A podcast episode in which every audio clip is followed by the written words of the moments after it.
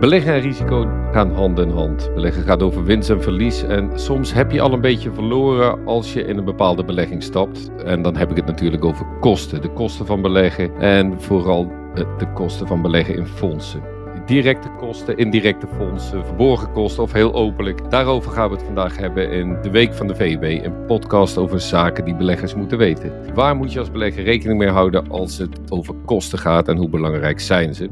Praat erover met Gerben Everts, directeur van de VEB. Gerben, we spreken elkaar op Valentijnsdag. Niet echt een fenomeen dat zich goed verhoudt met prijsbewust gedrag, mag ik wel zeggen. Maar toch de vraag aan jou. Let jij een beetje op de kleintjes? Jazeker, uh, ik denk dat ik uh, de bonusridder ben. Ik bedoel, als Albert Heijn iets in de bonus heeft, ben ik van de partij. In de grote hoeveelheden wordt het dan gekocht, wetshoudbaar. Maar ook uh, vanavond, ik ga mijn lief meenemen naar het Muiderslot waar ze een speciale avond hebben voor Valentijn. En dan delen ze de bedgeheimen van de oudbewoners met uh, de aanwezigen en uh, onder het genot van een glaasje. En je kan dit trouwen en allemaal leuk. Ja, daar kan je een ticket voor kopen. Uh, en dat was iets van iets meer dan 20 euro. Valt best mee, maar toch. Of met een museumjaarkaart voor slechts 5 euro. Ik denk, huppakee, die museumjaarkaart erbij. Hebben een hele jaar gratis toegang tot alle musea.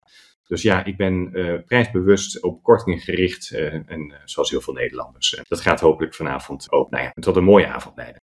Mooi zo. Nou, we stellen de publicatie van deze opnames uit tot na het uh, evenement, want anders zou het ten koste kunnen gaan van de romantiek natuurlijk. Dus deze podcast komt vrijdag online.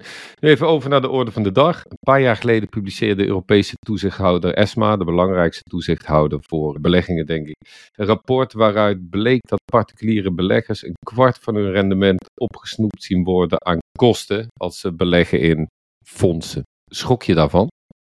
Ja, een kwart is heel erg veel, maar eerlijk gezegd, ik schrok er niet van. Het was wel bekend dat en banken en vermogensbeheerders echt aanzienlijke kosten in rekening eh, brengen. Zeker de, de partijen, de banken en de vermogensbeheerders die zeiden dat ze actief konden beleggen, de markt konden verslaan met een team van experts, door middel van bepaalde strategieën die heel bijzonder zijn. Ja, en dan ben je gewoon belegger in een gewoon beursgenoteerd aandeel of een mandje van aandelen, maar je betaalt toch hoge kosten. Ja, en dat is echt anders uh, dan bij bijvoorbeeld indexfondsen of exchange traded funds, ETF's. Het is heel goed te bedenken als particulier van goh, als ik dan toch in aandelen of in een index wil, doe ik dat via actief vermogensbeheer en betaal ik daar de premie voor? Of kan ik dat op een goedkopere manier doen? En ja, dan moet je als belegger heel erg uh, opgericht zijn en alert op zijn, uh, want het bespaart je uiteindelijk zeker als je voor lange termijn, termijn, belegt, heel veel geld. Duidelijk. En dat zijn dan, dan hebben we het echt over beleggingsfondsen waar je jaarlijks beheerkosten betaalt. Dus jaarlijks over je vermogen een bepaald percentage. Maar er zijn meer kosten, dacht ik, waar je als belegger rekening mee moet houden. Om afhaken te voorkomen zullen we dit kort houden. Maar kan je nog eens wat kosten noemen?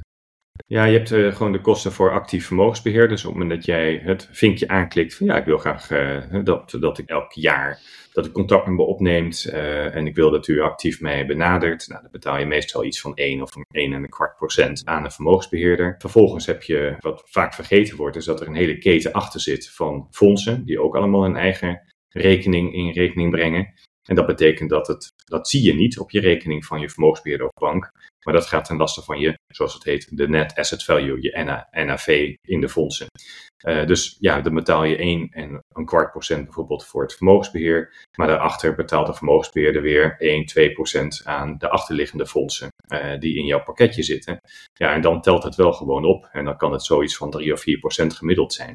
Dus het is een beetje alsof je door de supermarkt loopt en denkt van, eh, waar is de zelfscanner, ben ik in één keer klaar. Nee, maar je moet elke ronde opnieuw uh, langs de kassa bij binnenkomst, bij het pakken van je product, uh, bij het uh, de, door, de, door de lijntjes lopen en uiteindelijk bij de kassa nog een keer. Dat is de werkelijkheid bij, als je niet oplet als belegger. Ja, oké. Dus inderdaad, transactiekosten, daar, uh, die stipt hij kort aan. Daar komen we straks op terug. Want die gelden niet alleen voor beleggingsfondsen, en voor, uh, maar ook voor aandelen, opties, andere beleggingen. En de VB doet daar jaarlijks onderzoek naar, naar deze zogenoemde brokerkosten. Maar eerst even terug naar die beleggingsfondsen. En daar zitten toch heel veel beleggers in, uh, hebben heel veel beleggers in geïnvesteerd. In december, jongsleden, kwam de, die toezichthouder die ik al noemde, die ESMA, die kwam met een nieuw rapport, een jaarlijks onderzoek naar de kosten van particulier beleggen in Europa. Bij institutionelen is dat altijd wat anders, hè? Die, die betalen minder. En eigenlijk de conclusie toen was, de kosten zijn gemiddeld gedaald, maar de verschillen zijn groot tussen de verschillende landen. En dat blijft bijzonder. Hè? De kosten dalen, maar de verschillen zijn groot. En kan je heel kort zeggen waarom die verschillen tussen kosten voor beleggen zo groot zijn in de verschillende Europese landen? Waar heeft dat op de keper mee te maken? Plat gezegd heeft te maken met de historie van Europa. Europa is gefragmenteerd, komt vanuit verschillende culturen. En elk land heeft zijn eigen aanbieders en zijn eigen ja, usage-fondsen of uh, andere indexen die worden gevolgd. Uh, dat is gewoon fragmentatie. Dat maakt dat je in grotere landen of waar veel actiever wordt gehandeld, je ook grotere volumes hebt, waarbij de kosten voor beheer en, en alle adviezen en dergelijke die erin zitten, dat je die kan delen over meer beleggers en dus goedkoper kan zijn. En daarom zie je de totale kosten van de usage-fondsen in Europa zie je dalen. Maar er zijn landen eh, die er veel alerter op zijn van kostenbeheersing. Bijvoorbeeld Nederland. Nederland heeft wat dat betreft het meest aantrekkelijke niveau qua kosten van heel Europa. Terwijl dat voor de aanbieders niet betekent dat de winsten dalen. Omdat het, ja, mensen gaan dan eerder voor excursion only of voor lagere kosten toch beleggen. Dan in het buitenland als je meteen 3, 4 of meer procent kwijt bent uh, bij, bij het binnenstappen van het kantoor van je vermogensbeheerder. Dus dat maakt het verschil. Dus je hebt landen in Europa die eigenlijk consumentenbescherming niet zo hoog in het vaandel hebben. Wel in woord, maar niet in de praktijk. En je hebt landen die dat beter in het vaandel hebben, zoals Nederland. En die grote verschillen zie je terug in die, eh, in die rapporten. Ja, dus inderdaad, Frankrijk is een beetje een vermaard voorbeeld. Daar zijn de, de kosten heel hoog, maar het, het uh, zelf beleggen, dus eh, dat komt veel minder voor. Hè? Mensen hebben daar echt een adviseur. Ja, en men zegt ook dat hebben, hebben mensen nodig, want beleggers kunnen niet voor zichzelf denken. Die moeten aan het randje worden meegenomen. Ja, een heel oud denken van paternalisme. Dat zit in Frankrijk, zit het erin gebakken. Het heeft allerlei oorzaken. Een paar, nou ja, ik zal wel wat weerstand krijgen vanuit de Franse hoek. Maar politici die willen heel graag een verschuiving hebben. Soms ben je politicus en dan ben je weer baas van een financiële instelling. Dat is aantrekkelijk.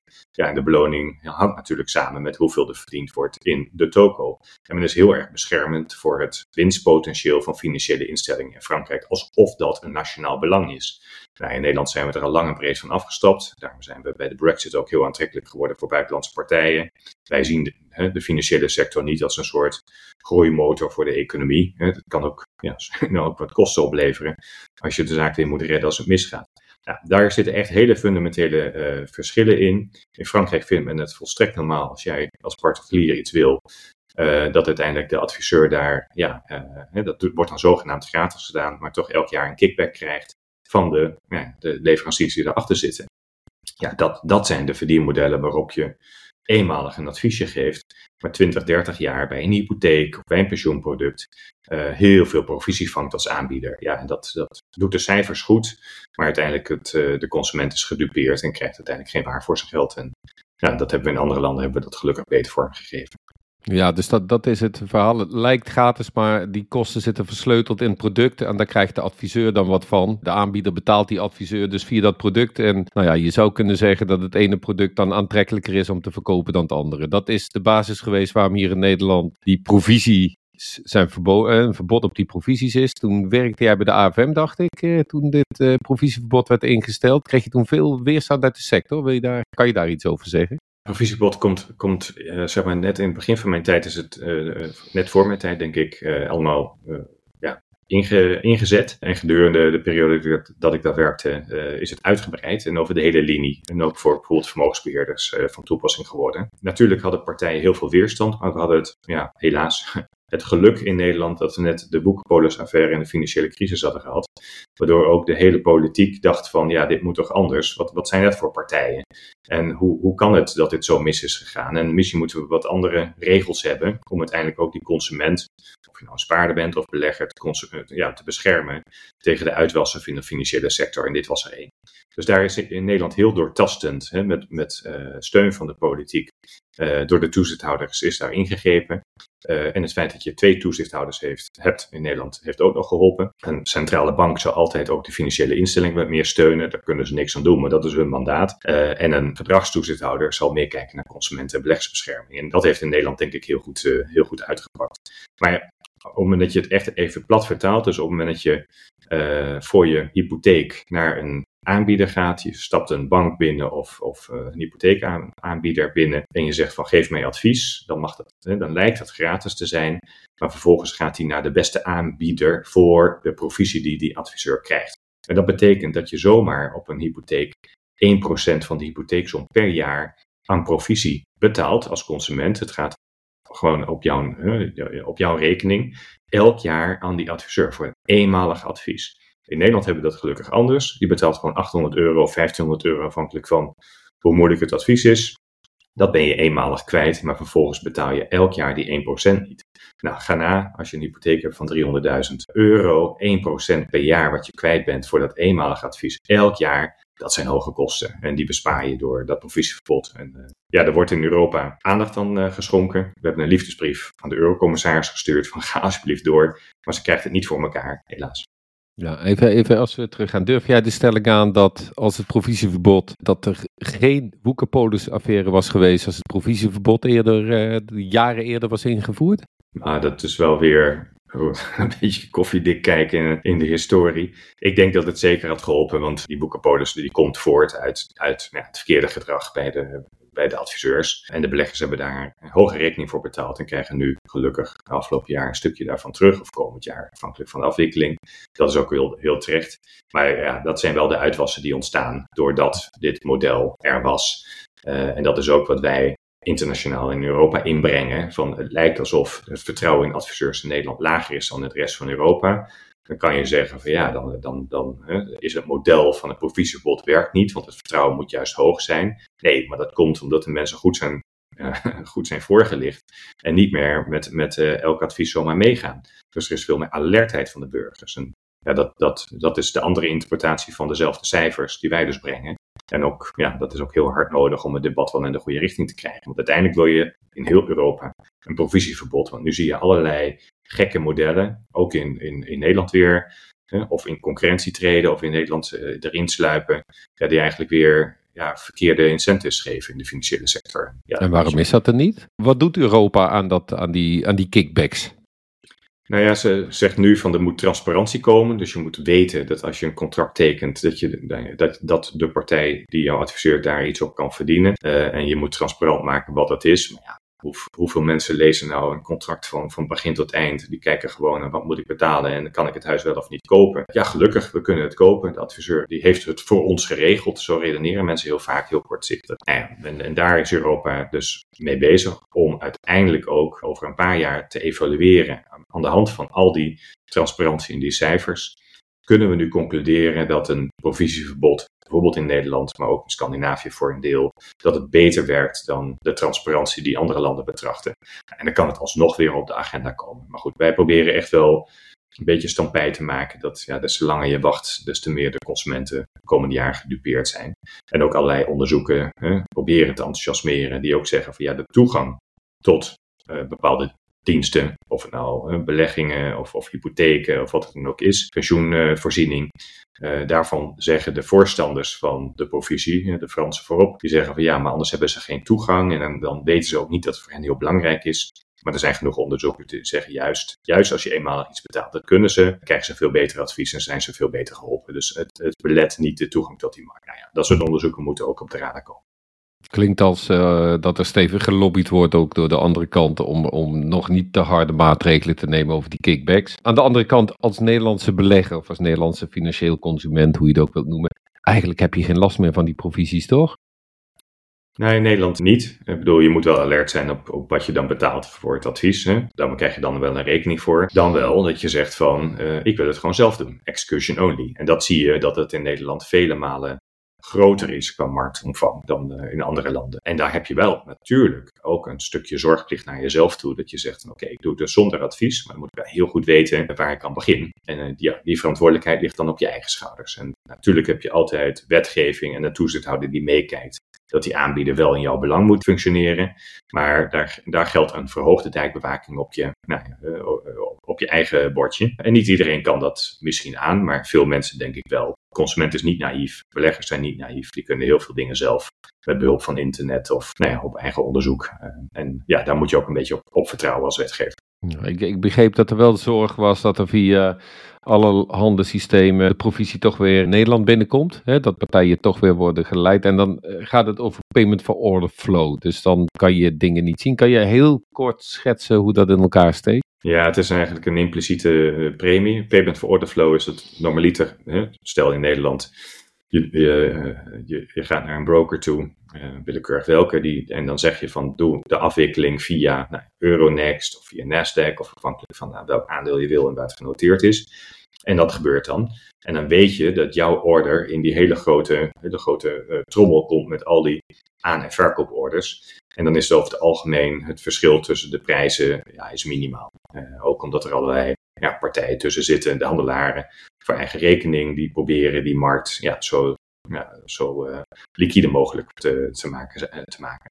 Maar je hebt ook payment for order flow. En dat zijn partijen die zeggen: Oké, jouw order gaat niet rechtstreeks naar de beurs. Die verzamelen we even. En die is gratis. De uitvoering is gratis. Maar doordat er verzameld wordt en aan het eind van de dag of één keer per uur wordt gematcht met de tegenoverliggende orders, uh, denk je dat het gratis is voor wat betreft de orderafwikkeling. Maar het prijsniveau is vaak niet in jouw belang. En al helemaal niet omdat er een geheim verdienmodel achter zit. Dat je partijen die dus uh, kennis hebben omtrent de orders die zijn ingelegd, nog niet uh, uitgevoerd, die geven andere partijen de mogelijkheid om te flashen, heet dat. Dus die mogen even kijken van wat zit er in die portefeuille. En daar betalen ze grof geld voor. Feitelijk is dat verkapte voorwetenschap die daarna kan, marktmanipulatie, voorwetenschap die kan plaatsvinden. Dus jij inzicht hebt in, die, in wat er in orders wordt ingelegd, weet je ook of de prijs een tik omhoog of een tik naar beneden gaat. Dat is het echte verdienmodel.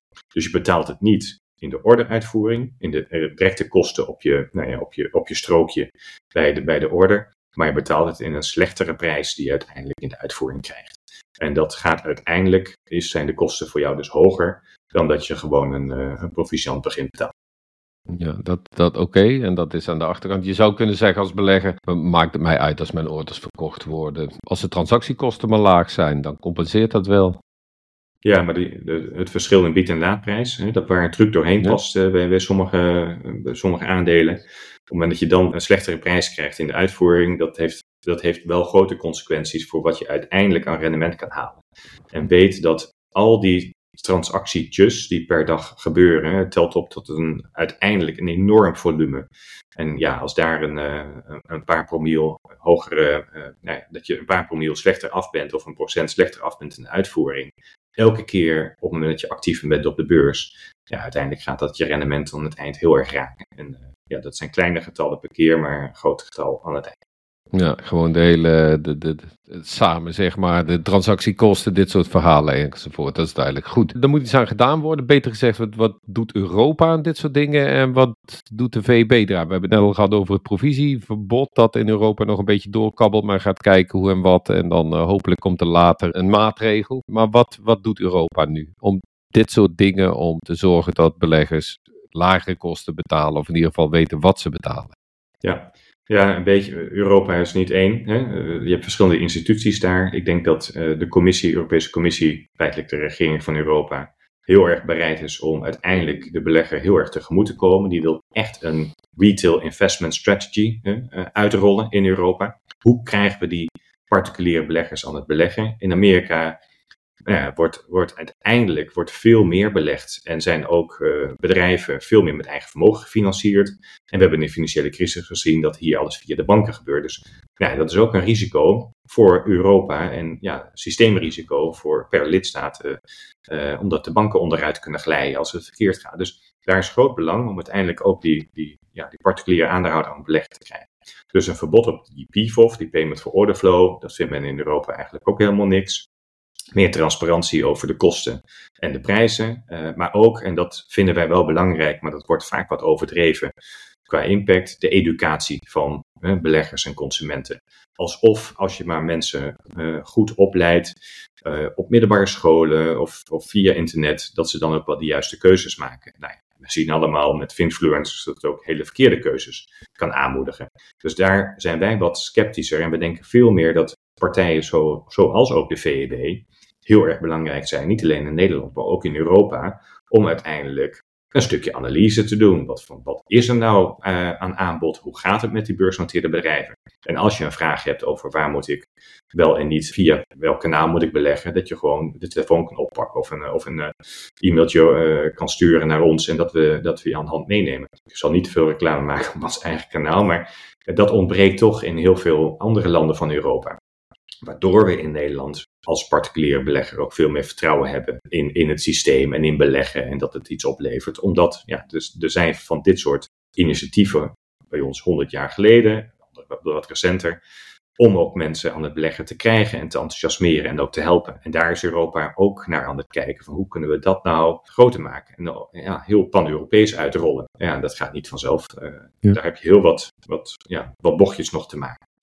Nog één nog een, uh, mooi ding wat ik uit dat onderzoek van ESMA, uh, wat ik uh, me bedacht, is dat daaruit bleek dat fondsen die zich op ESG richten, dat die lagere kosten hebben dan gemiddelde beleggingsfondsen. Stond ik wel even van te kijken. Ik denk dat het te maken heeft met gewoon geautomatiseerde selectie ten opzichte van dat actieve fondsen echt bedrijven gaan bekijken. Maar op zich leidde nog niet tot hoge rendementen, maar de kosten waren lager. Dat vond ik wel apart. Ja, het is ook wel logisch, want het zijn vaak wat nieuwere fondsen. En ja, als jij als team een nieuw fonds in de markt wilt zetten, dan zul je niet uh, met extreem hoge kosten moeten starten. Dus je ziet vaak in de loop van dat een fonds wat, wat langer loopt, dat het enthousiasme om er ja, heel aantrekkelijk en, en competitief in te zitten, dat het wat afneemt. En ja, die ESG-fondsen zijn relatief nieuw. Met ook wat, ja, wat, wat, wat adviseurs die wat meer naar de, nou ja, naar de noden van deze tijd kijken, denk ik. En dat, ja, dat uiteindelijk gaan, dat is, zijn dat groeifondsen uh, waar meer en meer animo voor is. Dus ja, dan kunnen de kosten ook wat lager. Oké, mooi. Nou goed. Uh, tot zover even de kosten van beleggingsfondsen. Terug even naar die brokerkosten. We hadden het al gehad over die payment for order flow. Wordt vooral in Duitsland veel gebruikt, geloof ik. Hè? De NIO-brokers die daarmee uh, mee stunten. NIO-brokers kwamen ook voor in het kostenonderzoek. Dat wij uh, jaarlijks doen als VB. En dat gepubliceerd wordt. De sector kijkt er altijd met een mengeling van nieuwsgierigheid en spanning naar uit. Het laatste onderzoek verscheen in september, dacht ik. In ons blad Effect in september. Wat kunnen we daarvan leren? Dit is echt een onderzoek als je geïnteresseerd bent in beleggen, waar je, ja, waar je elk jaar toch even naar moet kijken. Je ziet enorme verschillen uh, in kosten tussen brokers. Dus als je voor een paar duizend euro aandelen koopt, bijvoorbeeld op Euronext Amsterdam, dan betaal je bij de ene broker zomaar dubbele, dubbel zoveel als bij de goedkopere spelers. Voor ja, eigenlijk exact dezelfde service. Dus en bij de, bij de ETS, de, de, de fondsen, uh, dan zie je de, ja, dan zie je de verschillen nog groter zijn. En dan zie je een factor 4 tussen, tussen aanbieders. En ja, dan zul je misschien denken van ja, maar per keer dat ik een order inleg, ja, dan, dan gaat het niet om de grootste bedragen, een paar euro. Uh, maar goed, op allerlei manieren, hè, die, die, die zelfscan en die is er niet, dus je wordt op meerdere manieren, uh, moet je kosten betalen. En dit is er weer een. En dat telt wel op. Dus uh, als je hierin kan bezuinigen door de goede broker te zoeken die bij jou past. En de een die wil een broker die gewoon heel simpele producten aanbiedt. De ander wil misschien iets meer service. Nou ja, aan de hand van jouw eigen selectie kan je dus, als je kritisch kijkt, echt heel veel geld besparen. Ja, en ik, begreep dat het heel moeilijk is om voor iedereen de juiste broker in zo'n uh, zo'n onderzoek te laten zien. Maar zijn online zijn er handige modules waarin je precies je, je, eigen beleggingsgedrag, beter gezegd, hoeveel wil je handelen, hoe groot is je portefeuille. En dan rolt er eigenlijk rollen paar uh, voordelige brokers uit en dan kan je daar doorkijken. We hebben er ook in op, onze website staan, maar er zijn er uh, legio online. Kijk vooral dat een beetje onafhankelijk is, of liever gezegd helemaal. Dan heb je inderdaad voordelige brokers gezien. Dan kijk je dus naar de prijs. Moet je nog naar andere dingen kijken?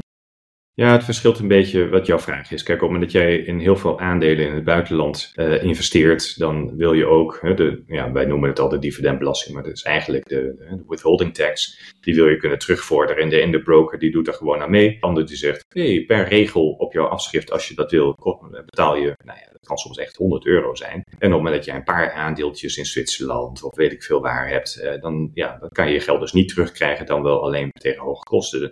En de ene broker heeft daar een aantrekkelijke uh, ja, uh, voorstel voor dan een ander. Dus daar moet je op letten. Dus je moet niet alleen op de prijs letten. De, de prijsvechters die het allemaal adverteren, die geven een hele kale service. Dat kan aantrekkelijk zijn als je ook niet meer nodig hebt. Maar wil je meer, ja, dan moet je goed nadenken van wat heb ik nodig. En uit ons onderzoek kan je dus, en ook op onze website met onze tool, kan je echt bekijken van oké, als ik dit en dat wil, waar kan ik dan het beste terecht? En uh, ja, dan is het ook een beetje van of je de naam vertrouwt en de mensen erachter. Moet je ook altijd op letten. Uh, maar ja, de persoonlijke situatie die kan je dus invoeren en dan krijg je echt wel een, een onafhankelijk goed beeld. Als je het helemaal zelf doet en de jaarrekeningen doorstruint en alle contracten die je mogelijk kan tekenen eerst opvraagt, ja, dat is heel arbeidsintensief. En ja, dat, dat heeft de VEB al een beetje voor iedereen gedaan, dus maak er ook gebruik van. Ja, oké. Nou, dat, uh, dat klinkt goed. Hartstikke mooi. Tot zover kosten. We zullen het volgende keer weer zoveel opbrengsten hebben. Dat vinden mensen ook wel aardig. En dat is ook aardig om over te praten. De jaarcijfers zijn bezig. Laten we daar heel even kort naar kijken. Wat, we hebben grote bedrijven gehad deze week. Vorige week AXO. Deze week hebben we Heineken gehad. We hebben de banken langs gehad. Daar gaan we nog een keer wat uitgebreider op in. Wat is jouw eerste algemene indruk zo van de, van de jaarcijfers?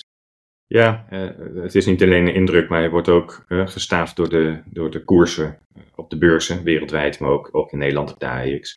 Het viel mee. Dus het vierde kwartaal over de hele linie was, was toch een goed kwartaal. vierde kwartaal 2023.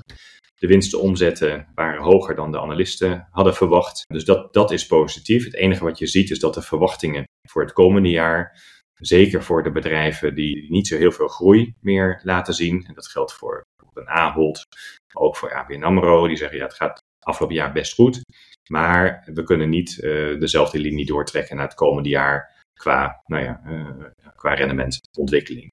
Dus je ziet een positieve afsluiting van 2023, maar toch ook wel een kritische kanttekening bij de verwachtingen voor dit jaar. Ook omdat de inflatie nog steeds wel uh, hoog was hè, en neemt nu af. De renteverlaging zit in het, uh, in het verschiet volgens velen, maar dat moet nog wel gebeuren. En ja, de koersen staan nu heel erg hoog, dus ja, de verwachtingen zijn ook extreem hoog gespannen bij beleggers. En daar zullen niet alle bedrijven aan voldoen en dan nemen ze u al even een voorzetje, voorzetje op. Dus uh, positief, maar met waarschuwing. Mooi, we gaan nog een keer die jaarcijfers later helemaal bekijken als we het hele, hele spul hebben gehad. Ik denk dat we er al zijn voor deze week. Dank Gerben. Volgende week ben jij dat niet. Gaan we even kijken hoe we dat gemis gaan oppakken. In ieder geval zijn er al een aantal afleveringen nu beschikbaar van de Week van de VUB. U kunt u ook abonneren. Dan krijgt u hem automatisch in uw feed, zoals het zo mooi heet. kunt u luisteren of niet. Wij hopen van wel natuurlijk. Voor nu zou ik zeggen dankjewel en tot de volgende keer. Helemaal goed. Tot de volgende keer. Oké. Dag Gerben. En wilt u meer informatie? Kijk op uh, eh, vb.net of mail ons op web.vb.net. Dit was de Week van de VB volgende keer verder.